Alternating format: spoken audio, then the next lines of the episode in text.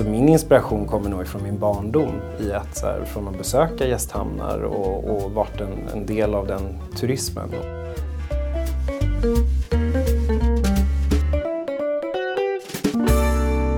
Du lyssnar på ett eh, något sent samtal i Trosa med mig, Erik Karlberg. Idag lyssnar vi på ett samtal som spelades in i höstas där vi träffar en person som inte verkar ha någon hejd på sitt driv att utveckla Trosa. Sen vi sågs har både veckans gäst och jag själv blivit fäder. För vår gäst var det tredje gången, för mig var det den första. Och eh, anledningen till avsnittets försening ligger någonstans där, bland mina egna sömnlösa nätter, blöjbyte och barnvagnspromenader. Han ses ofta åka runt med flakmoppe här i Trosa, är uppvuxen i skärgården och är utbildad helikopterpilot. I samtalet pratar vi om hur ett eventbolag blir till gästhamn, som blir till skärgårdstrafik, som blir till skärgårdsö och efter vårt samtal även blir till havsbad och ytterligare en restaurang. Han är trebarnsfarn som vill att skärgården börjar vid gästhamnen. Välkommen att lyssna på samtalet med Johan Wolfer. Johan Wolfer, välkommen till Samtal i Trosa.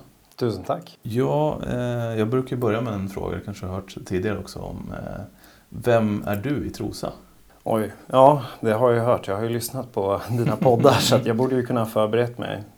Eh, och jag ställer samma fråga som någon annan också har gjort utifrån andras perspektiv eller mitt eget eller hur folk Ja, ser mig. Du kan väl börja med att ta utifrån ditt eget, det kanske är Oj. svårare. Ja, nej men där, det är väl kanske enkelt så. Familjefar. Och, ja, eh, aktiv pappa som har två barn nu, tredje på gång. Så att, på eh, gång, så, ja, ja. precis. Det är, det är nära nu. I november kommer Jaha. nummer tre. Så- Mitten, slutet av november? Ja, mitten ungefär. Jaha, då Ja. är vi på samma schema där. Ja, men grattis. Ja. Ja. nej, det, det ska bli jäkligt kul. Så att det är nummer tre. Eh, så att eh, pappa är man väl liksom på heltid och det är mycket tid går åt det. Eh, och sen eh, som jag är som person och så social och gillar att eh, träffa folk och gillar det sociala livet och försöker klämma in det i det här familje, eh, familjelivet ändå och fortsätta ha den här eh, liksom kompiskretsen och kunna vara ute och träffas och lite den man var innan man fick barn. Det är ju lite så Just det är. det. Blir liksom Johan 1.0 innan barn och sen så Johan 2.0 efter. Och man försöker ändå hålla ihop det där och få att eh, träffa vänner och, och det. det. Så att, eh, det är väl jag privat så. Eh, sen företagsmässigt och så som folk har lärt känna mig nu då är väl att, jag vet inte, hamnkapten får man väl säga. Mm. Det är väl det jag är eh, i grund och botten nere i hamnen. Eh, men eh, egenföretagare, entreprenör vill man Mm. väl se sig själv som i alla Mm. fall. Jag hoppas väl att det är det andra också har snappat upp. Eh, med ett stort, stort driv och kärlek för Trosa. Ja, jo men det är ju verkligen min bild också. Ja, Av, kul. eh, att, att du har. Ehm, och det här började i änden av Apelago, eller? Mm, precis. Eh, jag startade ju företaget 2018 eh, och det är ju ett eventföretag i grund och botten Mm. som eh, jobbar med företagsevent men även för privatpersoner. Så att ja, min vision var väl att, att skapa just de här aktiviteterna och det för företag. Och jag såg en marknad i att det finns mycket folk som vill aktivera sig. Man besöker Trosa och det är en vacker plats men att vi också behövde ha kanske ett större utbud än, än bara eh, boendet med hotellen och restaurangerna utan Mm. vi behövde också ha lite aktiviteter där omkring.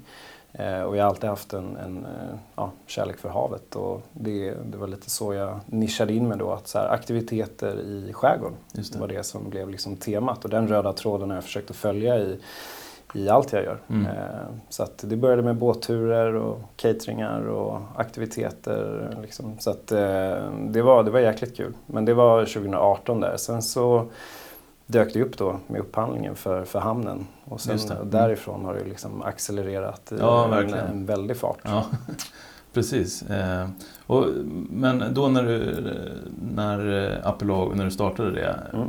det fanns ingen annan som, som jobbade med den här typen av grejer då? Utan, Nej, inte, i- inte i Trosa på den eh, nivån tror jag i alla fall. Inte, inte vad jag minns eller såg. Mm. Och jag menar, jag riktade in mig på kunder alltifrån Stockholm ner mot eh, Nyköping, Norrköping och runt omkring också. Att mm. försöka snappa upp det. Att det är många som vill besöka Trosa. Det, det som saknades kanske var just den här aktiviteten mellan konferensen mm. eller eh, att det fanns ett utbud för även privatpersoner att eh, komma ut och se skärgården och göra, upple uppleva det. Just det, i, i kompisgäng och sånt som Ja men precis, mycket svensexor, ja, mycket möhipper, 50-årsfester, 30-årsfester, allt mm. Eh, man kan tänka sig så mm. söker ju folk aktiviteter och mycket av de första kunderna var ju svensexor och möhipper mm. på privatsidan. Eh, och företagssidan var nästan alltid konferenser som började bryta av med en båttur och göra någonting kul. Var det fokus på, kring båt eller började det där i båt? Ja, alltså jag har väl lite krokig bana sedan innan liksom vad jag har gjort. Men jag, jag är ju skeppare och, och ville ju involvera det i varje event. Det var lite det som skulle bli våran eh, nisch då. Att man mm. kombinerade då båtåkningen med en aktivitet. Så det kunde ju vara ett upplägg då att man träffades i hamnen, åkte ut, eh, åkte ut till någon ö och sen så kunde det vara femkamp där ute för företaget. Eh, och sen så lagade vi mat på, på stranden eller på klipporna och sen så hade man med sig lite fika. Ja, och sen, så att det var liksom en helhetsupplevelse då med, med Apelago då som mm. skulle vara den som höll i det hela. Så mm. att, eh, och det funkar jättebra. Eh, och I början så jobbade jag nästan själv med det här. Då var mm. det liksom bara byta keps. Det är lite sällskapsresan på det hela. Att man eh, kör båten, lagar maten, håller aktiviteten. Och sen så, så, du lagar maten också? Ja, jag är, alltså, jag är kock i grund och botten. Ja. Så att, eh, det är min, liksom, mitt första yrke var ju som kock då. Just det, så då fick du användning av det ute på sjön? Också. Ja, men verkligen. Och det, det var en, en stor, eh, ja, det var väldigt viktigt liksom för att kunna sy ihop det där och att man skulle kunna göra det själv. Ja, just det, precis. Alltihopa där. Mm. Eh, och det här fortsätter än idag då med de här evenemangen? Ja, precis. Trots allting annat, Trots allting annat som händer ja. så fortsätter vi med det. Och sen så får man väl, eh, det har ju varit med pandemin då så har vi fått anpassa oss. Och vi körde ju eh, precis som vanligt under 2019 men sen så fick vi lite anpassa oss efter hur läget såg ut. Eh, så att vi började ju rikta oss mer till privatmarknaden för vi insåg att det finns en stor kundgrupp som som vill besöka Trosa eh, och det kanske är mindre bara grupper med familjer och sånt som vill göra någon aktivitet när de är här. Och då fick vi ju nischa oss lite på att eh, hyra ut kajaker, suppar, cyklar, lite enklare grejer som kanske inte kräver så mycket liksom arbete från vår sida och där mm. också inte kostar så mycket utan det, det finns mycket man kan uppleva här ändå på, på, egen hand. Så att vi försökte tillgodose det eh, behovet också. Mm. Eh, men sen har vi ju självklart också fortsatt med, med konferenserna och de sjönära upplevelserna. Och I och med Krome som också kom till så, så var det ganska naturligt att vi eh, eh, ja, kunde erbjuda mer. Där ute finns det också lokaler för att kunna ha en, en konferens i, i skärgården. Mm. Så att, eh, det, har, det har fortsatt. Just det.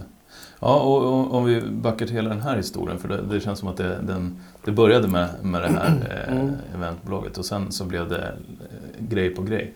Var, var det gästhamnen som var första ja, grejen? Då? Eh, gästhamnen var det första då som eh, det kom ut då för, för upphandling då eh, och och eh, då teamade jag ihop med mina gamla kollegor. Eh, så att eh, grabbarna från Fina Fisken då, som deras företag heter ju Smaksensation, som är mina kollegor nu då. då. Så de köpte in sig och ett annat företag som inte är med idag i bolaget. Men vi gick ihop och så ansökte vi då om den här tjänstekoncessionen. Eh, och det var ju jättespännande och vi lyckades ju få det här. Så att eh, vi lämnade väl det bästa anbudet antar jag eftersom att vi blev mm. valda. Och därifrån gick det väldigt fort också för vi hade ganska tydliga visioner om vad vi ville göra med restaurangen då som blev Kölsvinet och sätta det konceptet. Och mycket renovering. Det känns som allting bara är en sån här tajt tidsplan men det är ganska roligt också. Det, det är liksom, då får man ge allt under en period och den perioden verkar inte ha lagt sig. Nej, liksom, så det, det, det, är bara att fortsätta. Det men, blir inte en period till slut, ja. det blir ett liv. Ja. Nej men och sen bara sätta sig in i allt som, som kommer omkring gästhamnen. Det är så mycket olika delar med, med restaurangen, hamnkontoret, eh, tankpontonen, båtbottentvätten och husbilar och båtar. Och det blev liksom så himla mycket olika grenar som man skulle sy ihop där och personalsätta. Så det var också en stor utmaning med rekrytering och, och det. Mm. För att hitta rätt personal. Och, och du, jobb, du är hamn, hamnkapten och, och basar över den här verksamheten då i, i Ja, precis. Jag jobbar ju, aktiv, ja, jag jobbar aktivt i, i verksamheten. Eh, och i vår konstellation så är det ju bara jag som jobbar nere i hamnen då aktivt. Mm. Eh, så att, eh, men sen nu efter nu, tredje säsongen så, så kan jag också ta lite kliv tillbaka och vi hittar rätt personer på ansvarspositioner och försöker liksom dels att eh, få dem att triggas av att utvecklas i sina roller eh, så har jag också kunnat eh, då finnas mer övergripande på, det blir väldigt, första året blev väldigt mycket att jag var involverad i restaurangen och hjälpte till i köket och mm. var väldigt fokuserad på det för att bara få igång driften för kölsvinet. Mm. Ehm, och sen så året efter så blev det mer fokus på hamnkontoret eh, för att liksom sätta rutinerna där och få allting att leva upp till våran vision om vad, vad vi vill att Trosa gästhamn ska vara. Eh, så att jag jobbar ju ja, aktivt i det i verksamheten under sommaren. Mm. Eh, och nu det här året, som den säsongen som har varit 2021, då har jag kunnat liksom sprida ut min, eh, min fokus på, på alla delar av verksamheten. Och ja, i och med Krome också då, så får man eh, eh, lämna lite, lite ansvar till, till de personerna vi har anställt och, och lita på att de eh, också fixar det. Just det. Så det... Och, och, och då blir det kanske viktigt att man har en, att den här visionen, för det är ju någonting som jag som besökare har upplevt att det finns någon slags tanke eh, eller någon vision eller någon nivå på, på det som ni gör i den här konstellationen. Eh, mm. Och vad, hur, hur jobbar ni med det? Jag tänker liksom, hur tar ni fram det här konceptet med kölsvinet och Ja, alltså i grund och botten tror jag vi allihopa är lite så perfektionister mm. om man får säga så. Men det, vi, vi, eh, vi har ju mycket möten och samtal och sitter liksom och spånar i, på alla sätt vi kan liksom för vad vi har för tokiga idéer och liksom försöker koka ner då vilka är genomförbara och vad kan vi uppnå. Eh, och vi sätter väldigt höga mål för oss själva och det liksom går ju ner då till personalen också. Att så här, vi, vi har höga mål och ambitioner om för vad vi vill göra och vill vara bäst på service. Det är det liksom som är grundtanken i det hela och det är på varje del oavsett om du besöker oss med båt eller husbil eller om du är turist som kommer med bussen ifrån Stockholm och sånt så vill vi sätta den liksom, eh, prägen på, på alla delar av vår verksamhet. Eh, och det, det kräver mycket från, från oss i ledarskapet och uppifrån för att eh, få det här att applicera till de som vi har som anställda och känna sig engagerade och, och involverade i, i den visionen. Det är inte helt lätt.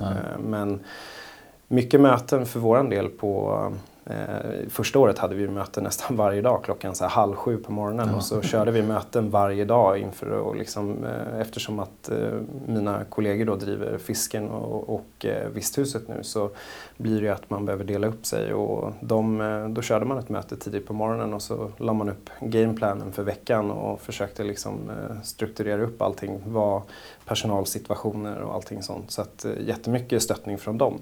Eh, utan de hade ju inte klarat av att, att göra det här så att eh, det, det måste man också lyfta. Att det är styrka i att vara flera. Mm. Eh, så att, ja. Och hur, så i Gästhamnen då, när ni hade alla de här mötena och jobbade fram liksom visionen. Och, vart fick ni inspiration ifrån?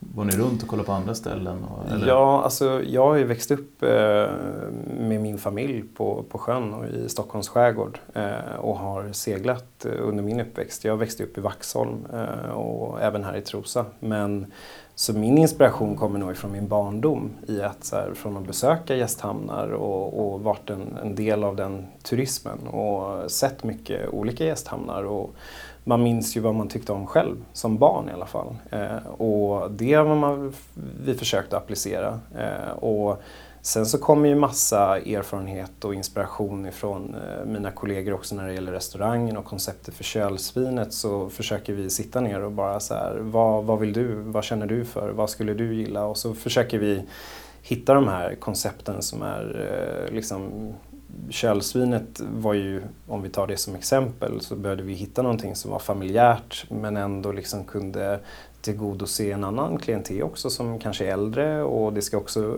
passa mellansegmentet och folk som är 25 till 45 och att man hitta någonting för alla och det är ganska svårt eh, att, att eh, skapa en sån eh, restaurang eller miljö som, som passar alla. Men jag tror att vi hittade ganska rätt redan från början där. Det, menyn skulle vara ganska slimmad, enkel i pizzor och, och allt ifrån skandinavisk mat till liksom hitta inspiration över hela världen. Så att även om det är ett brett utbud så, så försöker vi variera det.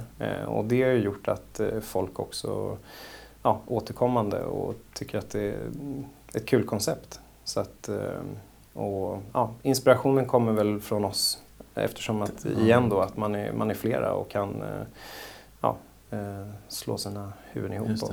För hur gör man det? Om du liksom försöker hitta någonting för äldre och yngre. Och hur, hur, hur, hur, hur får man det till att bli verklighet i ett sånt projekt som Ja, alltså, det handlar väl mycket om att våga. Alltså att vi tror på vår produkt i grund och botten och att man, eh, man vågar satsa och håller fast vid det. Eh, vi har inte ändrat konceptet så mycket sedan vi öppnade i alla fall kölsvinet och inte i hamnen heller. Men Eh, att hitta någonting för alla är ju jättesvårt. Det, det, kommer ju aldrig vara så att alla tycker att det är 100% bra. Och det, det, vet man ju om. Men att vi, jag tror att nu idag med att man, man får feedback och folk som eh, ja, kommer fram till en och tycker att det, det, är kul det vi har gjort. Och då får man ju det kvittot man behöver på att så här, vi är på rätt väg och mm. nu, eh, nu har vi kommit så långt så att nu börjar vi hamna i den sitsen att man kan finjustera lite små grejer. Nu är det liksom inte riva alla väggar och börja om från början. Så att, eh, det, det känns jätteroligt. Så att, eh,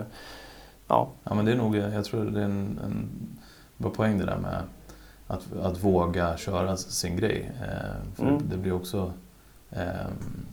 folk gillar ju en tydlighet. Ja men precis, och, verkligen. Och, och, och, stå fast vid det att så här, det här är det vi kör och vi, vi gillar det här. Mm. Och då hoppas vi att vi har tillräckligt precis. objektiv bild att flera kommer ja. gilla det. Och, ja, som sagt, allt ifrån barnfamiljer och pensionärer och ja, yngre människor som besöker platsen. Mm. Eh, och det har ju varit en ganska tydlig vision också från vårt håll. Att så här, det här ska ju bli en plats eh, i hela hamnen som man besöker och att folk eh, hänger kvar och trivs och, och, bara umgås i den miljön. Även om man är där bara för att ta en kaffe i solstolarna och sitta och prata med, med andra runt omkring eller att man besöker restauranger med, med sin barnfamilj och, och käkar en god lunch eller middag. Så att, eh, jag tycker att vi, vi har hittat en en bra nivå på, på alltihop. Och det handlar ju lite om prissättning också i att man behöver hitta något eh, bra segment att landa i. Liksom. Mm. Vi, man får slimma ner på personal och lite sånt och vi har ju det här systemet med att man beställer i kassan när man kommer, kommer till kölsvinet och, mm. och sen så får man ett bord och då kan vi dra ner på personaltimmar i att man inte har servis som springer ute. Och liksom, ja, så att man får, man får försöka hitta den här nivån. Just det, och tänka lite smartare. Så. Ja. Eh, vad, hade ni, är det många idéer som, eh, som inte har blivit av? Ja, eh, det är det ju. Alltså, jag, jag själv tycker det är skitkul att komma med ganska galna idéer och liksom försöka lägga upp det för mina kollegor mm. och det kan ju ibland bli att så här, nej, det, in, inte nu, nu får du lugna dig. Så det kommer ju hela tiden, nästan varje vecka så kommer man på någonting och ibland så, så känner vi alla så här, men det är klart vi ska göra det här och så försöker vi eh, liksom lägga upp en plan hur vi ska genomföra det. Eh, men eh, ja, så att eh, på den frågan så är det mycket mycket idéer som har kommit och passerat och kanske någon gång i framtiden kommer bli verklighet. Mm, just det. Men så då Gästhamnen och, och sen dök det, det här med Krome upp då som en efterföljare på något sätt till det här? Eller? Ja, precis. Tidigare arrendator sa upp sitt avtal på Krome Eh, eftersom att vi jobbar då inom turism och i, i det liksom, eh, samma typ av eh, verksamhet som vi har idag med gästhamnen eh, så, så kändes det naturligt för oss att också rikta våra blickar ut dit. Vi vill ju göra en förlängning av liksom skärgården då, från gästhamnen och utåt så att eh, vi var jätteintresserade från början. Så att, eh, vi lyckades då få ett eh, kontrakt med kommunen på, på tre år som eh, blev egentligen den avtalstiden som tidigare arrendatorn hade kvar. Eh, och sen så ska vi nu förhoppningsvis omförhandla nu i, i höst här. Okej, okay, och då, då kan det bli ett längre avtal då? Vi, vi hoppas på det. Ja. Vi, vi älskar Krome och tycker att det är jätteroligt att, att vara där. Vi gjorde ju en kraftansträngning där också i, i, på våren för att rusta upp och dra in el i stugorna, måla om och fräscha upp och ja, fixa i ordning. Så att eh, det har varit jätteroligt. Mm. Och det blir ju också som sagt en, en liten gästhamn där ute då för, för båtar som passerar. Det är en ganska strategiskt bra plats eftersom att eh, om du passerar då från Södertälje och går neråt eller från Oxelösund och går uppåt och inte behöver gå in i en så pass stor hamn som Trosa för att bunkra eller köpa mat så är ju Krome ett ganska bra stopp på vägen. Det. Men det är något som blir då? Det inte, finns inte där Jo, fullt utbyggt än? Ja, alltså det, det, finns ju. Vi, vi har ju tillsammans med kommunen då renoverat drygt tio stugor nu mm. Eh, och gjort klart det. Och gästhamnen finns ju där. Så att då, vi har ju kiosken då eh, personalsatt eh, mellan klockan 10 och 17 varje dag under sommaren. Mm. Så högsäsongen är det ju fullt ös där ute. Och eh, nu har vi många kunder som har varit på Krome under många generationer har ju också fortsatt att boka med oss, vilket är jätteroligt. Mm. Så att eh, högsäsongen är den är, det är mycket bokat. Ja, det. Det, det. är jätteroligt och vi, vi ser en framtid där ute och vill ju som sagt vara verksamma där ute eh, långt framöver om, om vi får. Just det. Vad, och säsongen på Kroma, är, blir, det liksom, blir det tomt på vintern? Eller är mm. det... Ja, det blir det. Um, alltså, för min del så eh, skärgård nu på hösten är ju egentligen den bästa platsen att vara på. Det är tomt och det är stilla och mm. det är inte så mycket trafik. Eh, så att eh, vi har ju hela tiden försökt att vurma för att man också ska besöka kanske tidigare på våren och inte liksom mitt på industrisemestern för då är det lite lugnare. Men nu med, det är svårt också. Vi har ju personal som är sommaranställda så att vi kan inte hålla ön öppen så som det är idag eh, under hela året och jag tror att det inte hade varit lönsamt utan vi just nu så, så har vi hållit det från påsk nu ungefär fram till oktober. Eh, ja, det. den säsongen går ändå att fylla. Liksom. Det. Men, men sen har ni evenemang, eh, eller ni kan göra evenemang? Precis, så att då har man ju ändå istället om du bokar en konferens eller något så kan man ju åka ut och besöka den med, eh, med oss då. Mm. Eh, och ja, privata sällskap så. Just. Hur, om man skulle liksom jämföra Kroma som det är idag, eller den här sommaren, mm. jämfört med hur det var för, ja, för tio år sedan eller så. Vad, vad är den stora skillnaden? Alltså när jag växte upp här, Krome har ju, Håkan hade det ju när jag var, när jag var yngre och det är väl lite samma, samma stil idag som det var då. Eh, man kan köpa glass och det är ett bra ställe för att hänga med barnen och det finns en fin gräsyta och spela fotboll och sånt så vi har inte gjort några eh, stora förändringar så sett utan det som behövdes var egentligen en, en eh, uppfräschning av stugorna för det var länge sedan de fick eh, en renovering så att eh, istället för då gasol för uppvärmning och för matlagning och det så nu med och dragit in el i stugorna så blir ju livet lite enklare men det är väldigt spartanskt fortfarande. Det. det är fortfarande hämta vatten i brunnen mm. och Eh, ja, så det är, en, det är en sån klassisk skärgårdsby som lite har stått still i, i, i tiden, vilket är charmen av det hela också. Att eh, lugnet där ute. Och vår vision har inte varit att göra något Ja, nu kan man ju dra paralleller med Sällskapsresan och Östermanland och hela den här grejen. Det är, det är liksom inte dit vi vill utan det är att fortsätta bevara eh, skärgårdsbyn så som det är och det är, ligger ju mitt i ett naturreservat.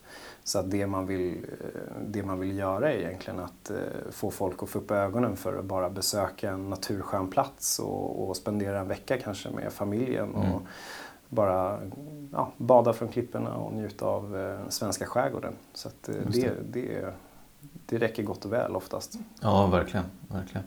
Och, och där eh, krokar det väl också in på det här med den här eh, skärgårdstrafiken som också är en, en del som, som Ja men precis, eh, precis. Så att man kan se det som att först blev det liksom gästhamnen och kölsvinet och sen året efter så drog vi igång med Krome och samtidigt då så började vi lansera lite med, med skärgårdstrafiken för vi insåg att det behöver finnas en connection däremellan för att vi ska kunna transportera människor fram och tillbaks. Dels då Eh, människor som har hyrt eh, stugorna och även de som är dagsgäster för, från Trosa eller runt omkring här, eh, även från Stockholm som vill komma ut i skärgården. Så att vi då kom det också ut en upphandling som vi var med lite och initierade för att vi, vi såg att det finns ett, ett behov.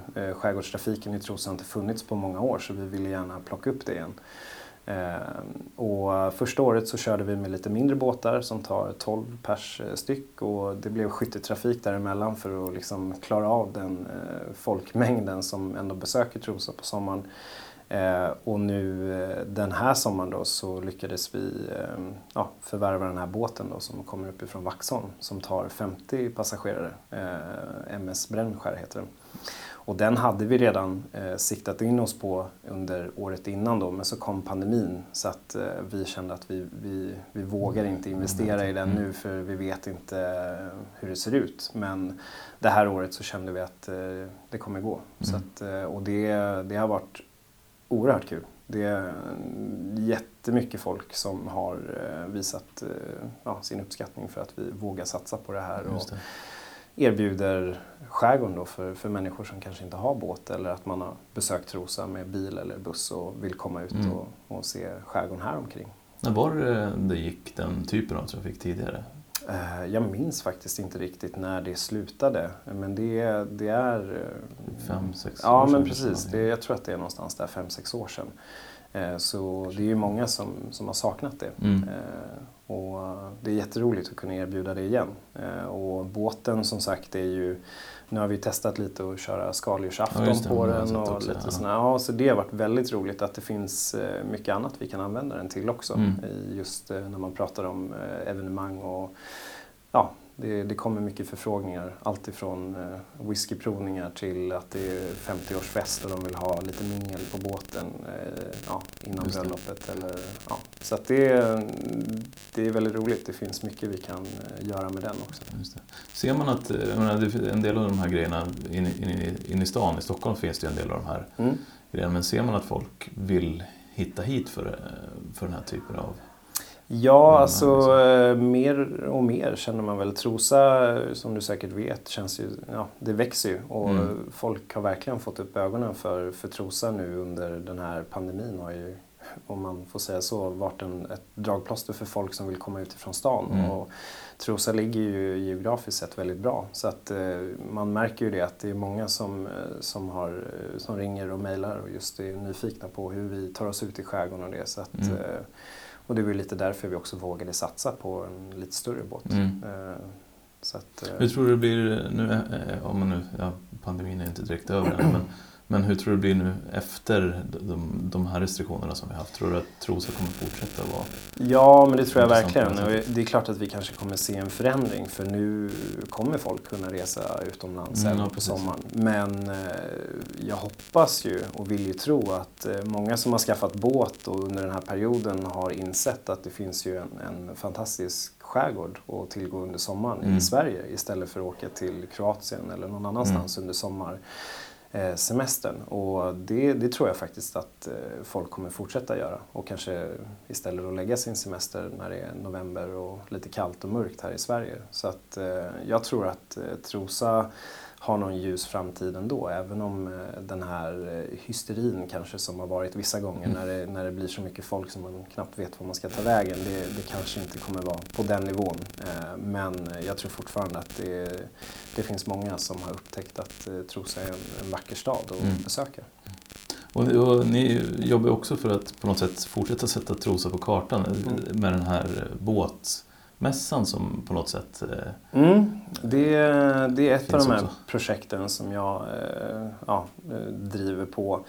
Vi hade ju visionen då om att eh, genomföra det nu till den här hösten som var då i september. Men när under sommaren då så var vi tvungna att fatta ett beslut och restriktionerna låg fortfarande lite för, för hårt. Så att vi kände att för att kunna göra det här på det sättet som vi vill göra det så måste vi dra i handbromsen. Eh, och jag tror att det var rätt beslut för, för än så länge var vi inte där där man kan ha den här typen av festivalkänsla som vi lite eh, siktar på. Så att båtmässan eh, kommer komma nu till 2022 då. Mm. 23 till 25 september har vi siktat in oss på. Och det är jätteroligt för det det skapar ju också en, en, en, en, ny, ett nytt evenemang i Trosa som inte har funnits tidigare. Eh, jag vet att många har ju uppskattat den här Segla vackert som fanns för många år sedan och det har funnits lite sådana olika happenings i Trosa men den senaste tiden har det inte varit något ja, stort eh, som har hänt. Så att, eh, väldigt många aktörer som har hört av sig och är intresserade och jag tror att det kan bli en, en väldigt rolig grej. Och min vision med det hela är väl att vi ska kunna erbjuda just eh, lite liveuppträdande på restaurangen, eh, olika båtutställare, man får se lite olika modeller och kanske provköra. Det är ju en flytande båtmässa så många av båtarna kommer ju ligga i vattnet. Mm. Och sen blir det ju tillbehör runt omkring också såsom båttrailers och även kanske lite outdoor-tema. Eh, för många under den här perioden har ju fått upp ögonen för att paddla kajak och cykla mountainbike och allt möjligt. Så att vi får se lite vad vi kan ha för, för utbud. Det, jag tror att det, man kan kombinera det där ganska bra. Och även med, med fiske och sånt. Just det, och, och du pratar om festivalkänsla. Är det lite grann alltså som typ eh, Trosa marknad eh, och stadsloppsgrejen med med liksom full fart på restaurangen på kvällen? Alltså sånt där också som är Ja, vi, hopp, vi hoppas väl på det. Eh, vi har ju även eh, pratat eh, om eh, en ny, ja det blir första gången jag säger det nu, men Trosa hamnfestival eh, som är ett annat upplägg som vi också siktar på till eh, 2022 där det är mer konserttema liksom okay. och kanske över några flera dagar för att det var så länge sedan det fanns mm. också. Att, med eh, öltält och alltså den Precis, och uppträdande med olika artister som eh, kommer hit och att man gör en, över en längre period. Att man kanske kör onsdag till lördag mm. Eh, och bygger upp en liten minifestival. Så det är också någonting som vi inte har gått ut med än. Ja, ni hörde det här först. ja, precis. Kul. Spännande. Det, mm. Eh, det ser vi fram emot. Du lyssnar på podden Samtal i Trosa där vi träffar intressanta personer med utgångspunkt från och i Trosa. Om ni inte lyssnat på de tidigare avsnitten, sök upp Samtal i Trosa i din favoritpoddspelare. Följ gärna podden på Instagram. Där heter vi Samtal i Trosa. Du belönades ju tidigare i år här som Årets nyföretagare. Mm. Till och med. Hur, hur kändes det?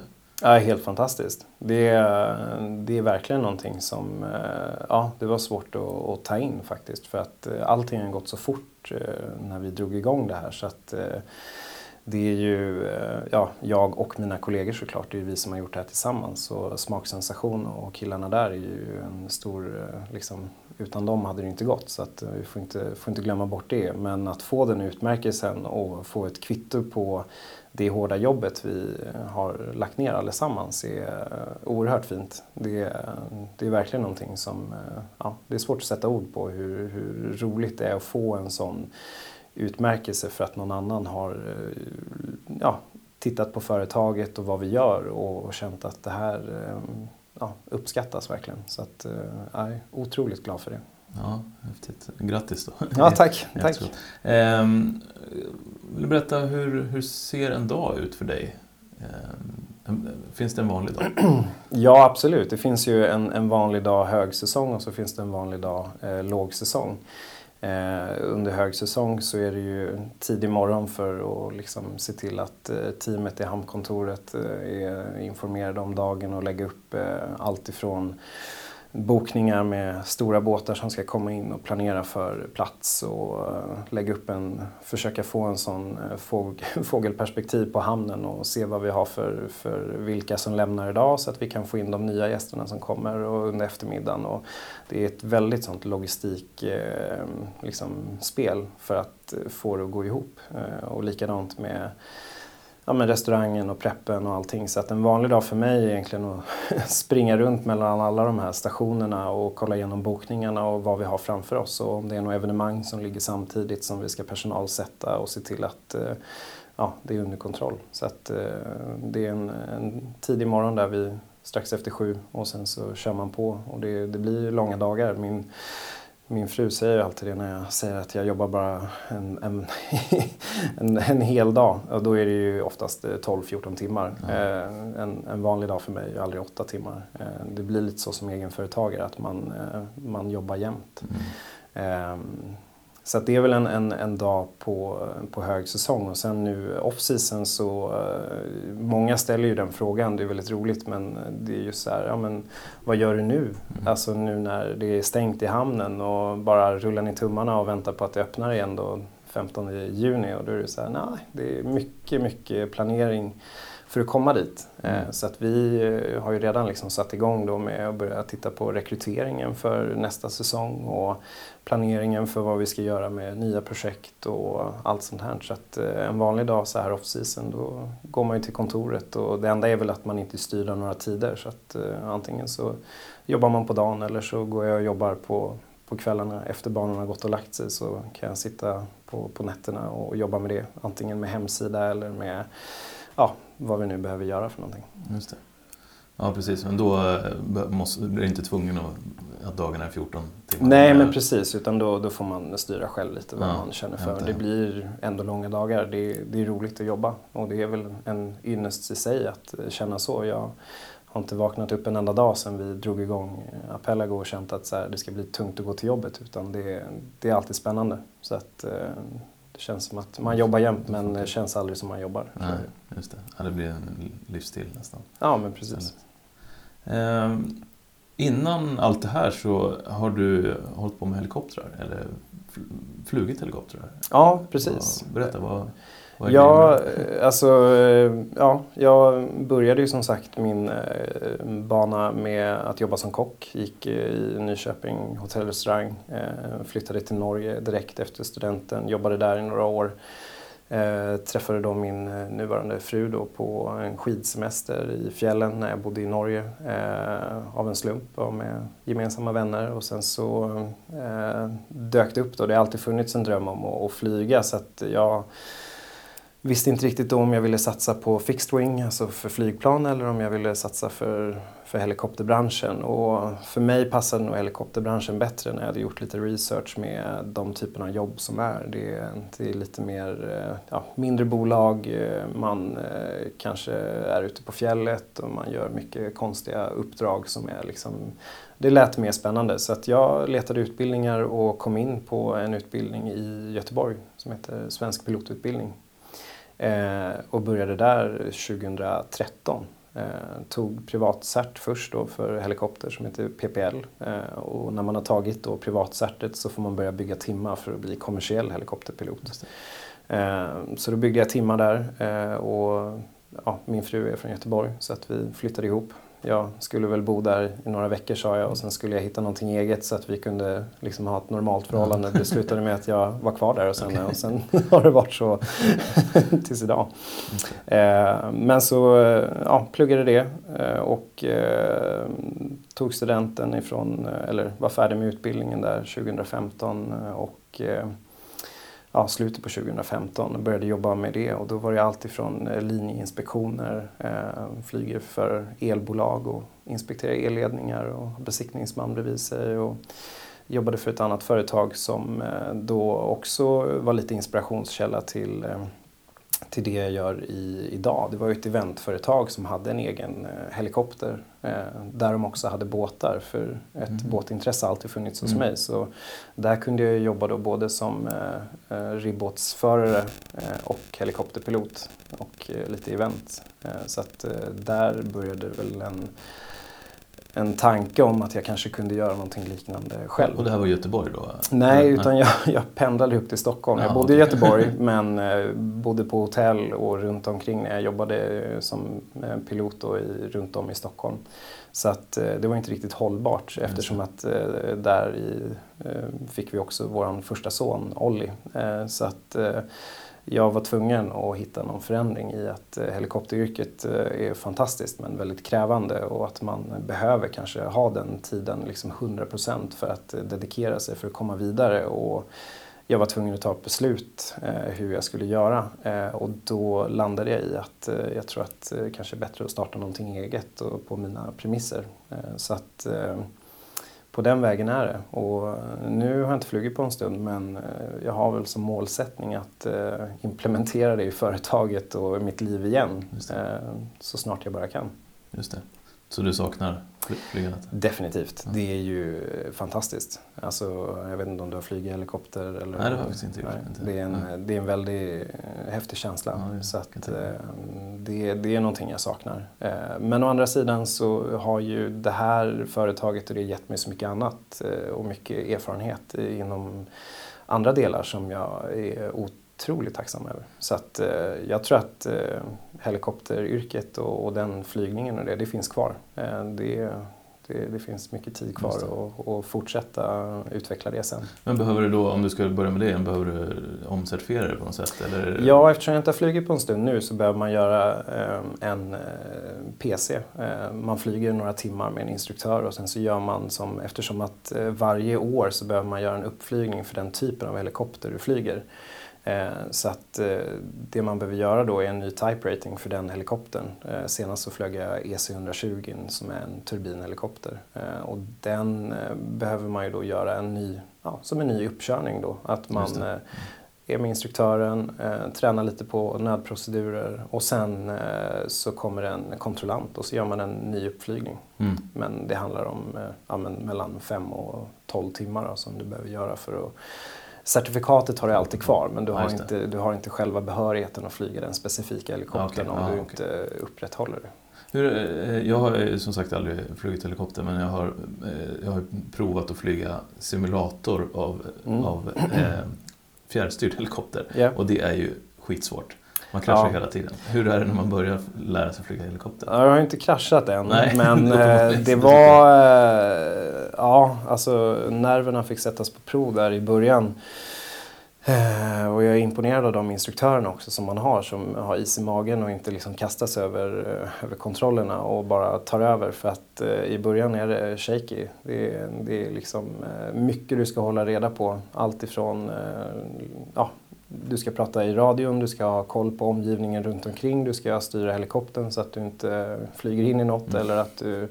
Ja, så att eh, i början var det, det kändes eh, oerhört svårt. Eh, men jag har nog alltid varit praktiskt lagd så att eh, teorin var nog det jag fick kämpa med mest i. Att det är enormt mycket teori för att bli kommersiell helikopterpilot. Mm. Jag läste till den ATPL som är kaptensutbildningen direkt eh, och det är ju eh, ganska omfattande. Eh, så att teorin tog upp mycket av, av min, mina, mina dagar och själva flygningen kom på plats ganska snabbt kände jag att den, den biten kunde jag behärska. Men som sagt, första timmarna och när man skulle flyga solo själv mm första gången när instruktören hoppar ur och du får lyfta och sticka iväg själv. Det är en enorm frihetskänsla men också lite läskigt i att så här, händer det någonting nu så, så måste jag agera rätt. Annars så är det fara för mitt eget liv. Så mm. att, eh, det var häftig känsla. Men eh, nej, det... Med, med ett mått av adrenalin på slag då? Verkligen, eh, verkligen. Det är väl kanske det som har lockat mig från början till att dra mig till ett sånt yrke och, och ville, ville bli helikopterpilot. Det, det går inte att sticka under stolen att det är lite det som triggar en. Och men när man väl, eh, också den frihetskänslan när man känner att man behärskar det och klarar av det. Så eh, nej, otroligt roligt. Ja, det, det låter häftigt. Eh, men det här adrenalinsökandet, är det något som du har eh, generellt i livet? Ja, det får man väl ändå säga. Jag har alltid eh, dragit mig till de typer av sporter som, eh, som eh, kanske har den adrenalinpåslaget i att jag Gillar eh, ja, men allt ifrån åkt mycket snowboard, åkt mycket wakeboard här när jag växte upp och alla sporter inom brädsporter är det jag älskar. Surfa, skateboard har alltid varit ett stort intresse. Eh, så att eh, de, de typer av sporter har alltid attraherat mig och det, än idag så är det, det. gärna det jag gör på min fritid. Just det. Lite, litet mått av risk att trilla och slå sig. ja, men precis. Och sen blir man ju äldre och äldre och man, eh, man, man inser att eh, när man var 18 så om man trillade och bröt armen så var det ingen annan som fick lida över det. Men nu om man gör det så blir det ju med arbetssituationen och allting. Så att man blir ju, man blir ju lite fegare hela tiden. Det, det är nog naturligt. Men eh, jag gillar att fortsätta utmana mig själv i just de sporterna. Så att det, det är väldigt roligt. Just det. Eh, men berätta, du, du växte upp eh, i Vaxholm. och ja. här? Eller på hur ja, men båda, båda ställena. Mm. Det är mm. lite, lite krångligt men vi tar det. För det, jag, när jag föddes så föddes jag i Vaxholm. Så bodde vi där tills jag skulle börja förskola ungefär. Flyttade hit eh, då med, med min familj och eh, gick väl här då första åren i förskola tills jag skulle börja förskoleklass. Eh, då flyttade vi tillbaks till Vaxholm igen eh, och så bodde jag där tills jag var ungefär 12 år eh, ute på Resarö eh, strax innan Vaxholm. Eh, men det är lite samma typ av städer så att man, eh, man känner igen sig i båda. Även om Vaxholm är lite större. Så, ehm, och sen flyttade vi hit då när jag skulle börja på Tomta Klint. Eh, så att eh, sen dess har ju min familj bott här. Så, okay. mm. så att då, då bodde vi här ja, tills jag gick ut gymnasiet och flyttade till Norge då. Så att det har varit liksom på båda ställena. Men jag skulle säga att eh, ja, Trosa är väl det jag har mest minnen ifrån eh, när jag växte upp. Ja, har du någon annan relation till Vaxholm som det nu är? Förutom nej. att hämta den båten? Ja, hämta båten. Ja. Och, nej, egentligen inte. Det är inte så många vänner jag har kontakt med, med där fortfarande. Så att, eh, men eh, ja, min, min mamma och pappa är ju vänner där fortfarande. Och nu eh, bor även min äldsta syrra i, på Resare. Bara okay. stenkast ifrån där, där jag växte upp. Så att när man besöker där så får man gå lite memory lane. Ja, kommer man ihåg. Tillbaks där. Mm.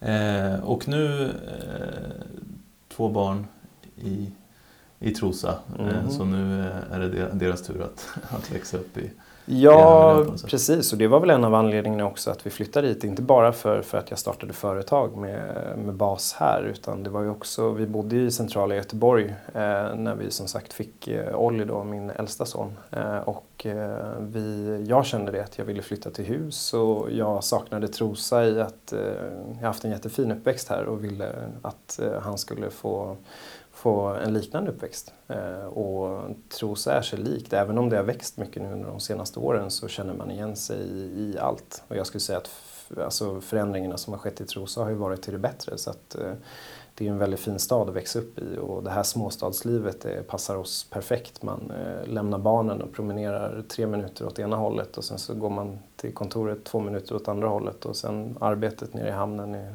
fem minuter till. Så att man, man lever i sin lilla bubbla och eh, det, det, det är positivt eh, på många sätt. Sen är det klart att man kan få lite man kan bli lite tokig och känna att så här, nu måste vi åka iväg och göra någonting för att man, eh, man hamnar lätt i det. Att det, man bor i sin lilla sfär och har det här. Det.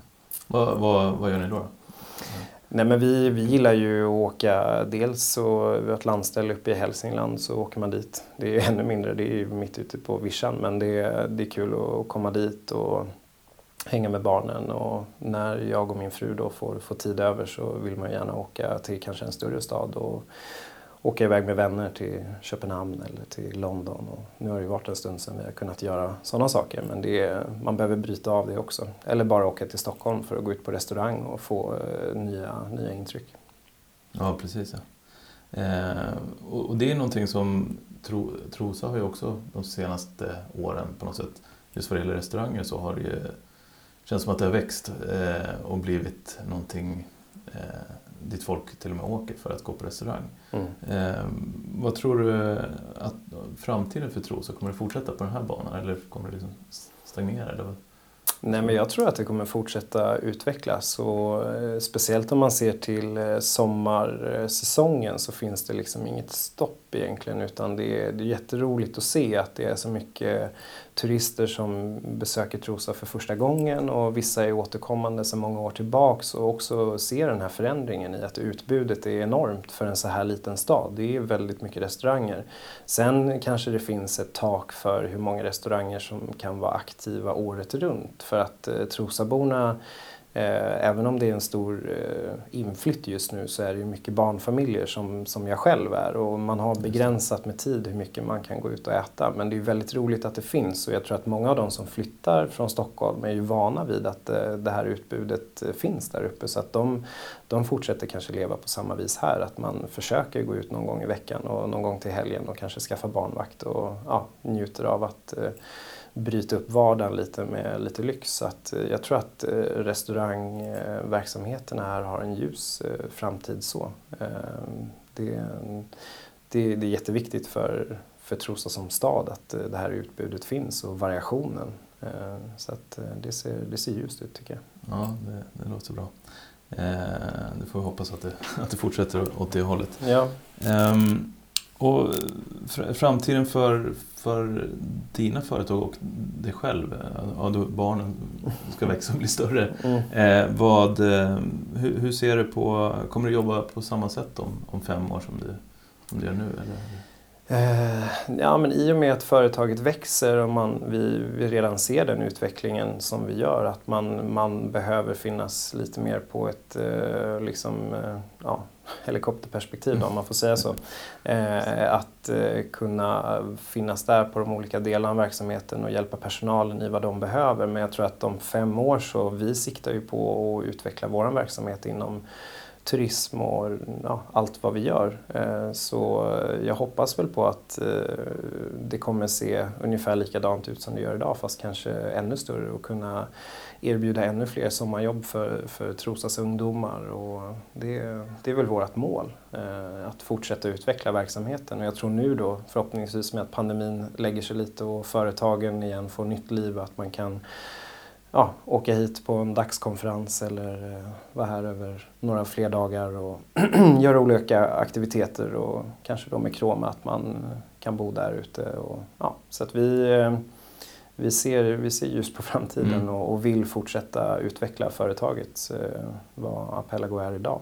Så att, eh, och det, man snubblar ju alltid över olika projekt liksom, så att jag tror att det är, eh, det är svårt att veta vad, vad framtiden ger nu men vi, vi har en tydlig vision med hamnen om vi ska ta det för exempel. Så vi sa ju det att eh, fyra år ska vi utveckla ganska liksom, hårt för, för att nå dit vi vill och vår vision och sen handlar det om att förvalta och upprätthålla det vi har skapat. Och det är också en jätteviktig bit att eh, hela tiden eh, förbättra de små grejerna som vi kan göra. Och det, det är en tuff utmaning att mm. Eh, hålla glöden i, i det. Och, eh, jag tror att eh, med gästhamnen har vi jättemycket att fortsätta att jobba med för att eh, nu har vi ju sett att eh, en ny kundgrupp har börjat hitta hit igen och att de har fått upp ögonen för Trosa igen som kanske har varit frånvarande under några år. Att eh, nu många båtgäster som hittar tillbaks och det är otroligt kul. Mm. Så skapa vår egen eh, liksom, stammis, eh, stammisgäster som vill besöka oss för det vi gör. Just det, verkligen. Um... Ja, eh, så då får vi se vart den tar vägen. Eh, är, är det Trosa fortfarande som är på horisonten eller, eller blicken utanför? Eller?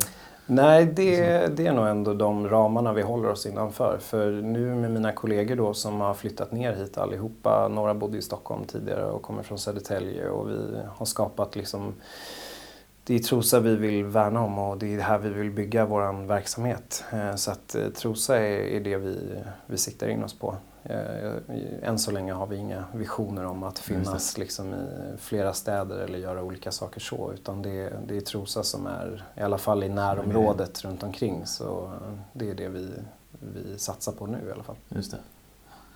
Um, när du pratar om det här övergången till eh, någon slags förvaltning eh, mm. och sånt. Eh, är du en sån person som, som startar upp eller är det en sån som förvaltar? Alltså det, man brukar ibland ha lite olika Ja, precis. Nej, men jag, jag är nog både och där. Alltså jag kan ha hur mycket idéer som helst och, och vilja utveckla. Men jag, jag vill också... Jag tror att det är viktigt att man är en del i den verksamheten man bedriver. Eh, för personalens skull och visa delaktighet i, i allt man gör. Att eh, även om jag står i köket en dag eller i hamnkontoret en dag eller står i kiosken på Krome och att jag tror att man visar ledarskap genom att eh, finnas där och visa att man, man eh, behärskar alla delar av, av det man själv har skapat. Det, och det, det kommer jag fortsätta vilja göra, att jobba aktivt i verksamheten eh, dagligen för att eh, dels eh, se själv problemen som uppstår och hur man kan utveckla och förbättra för det är kanske inte någonting man kan lägga på en, en sommaranställd som ska komma med den feedbacken. Även om vi har jättefin personal som, som kommer just med bra feedback och hur vi kan utveckla vårt företag. För de, det är ju de som träffar flest av våra gäster och ser hur det funkar. Så att, eh, men jag vill, jag vill gärna fortsätta jobba aktivt. Eh, och sen, eh, det kan ju vara allt ifrån eh, att köra båt ena dagen till att stå i köket ena dagen till att, ja, så som jag jobbar idag egentligen. Ja, det är väldigt eh, omväxlande. Ja, precis. Och det, det gör ju att man aldrig tröttnar egentligen. Det, det är otroligt kul. Ja. Eh, tack Johan Wolfer för att du kom hit. Tack själv. Kul att vara här. Du har lyssnat på Samtal i Trosa med mig, Erik Karlberg. Gäst idag var Johan Wolfer och podden den spelades in på Finkontoret.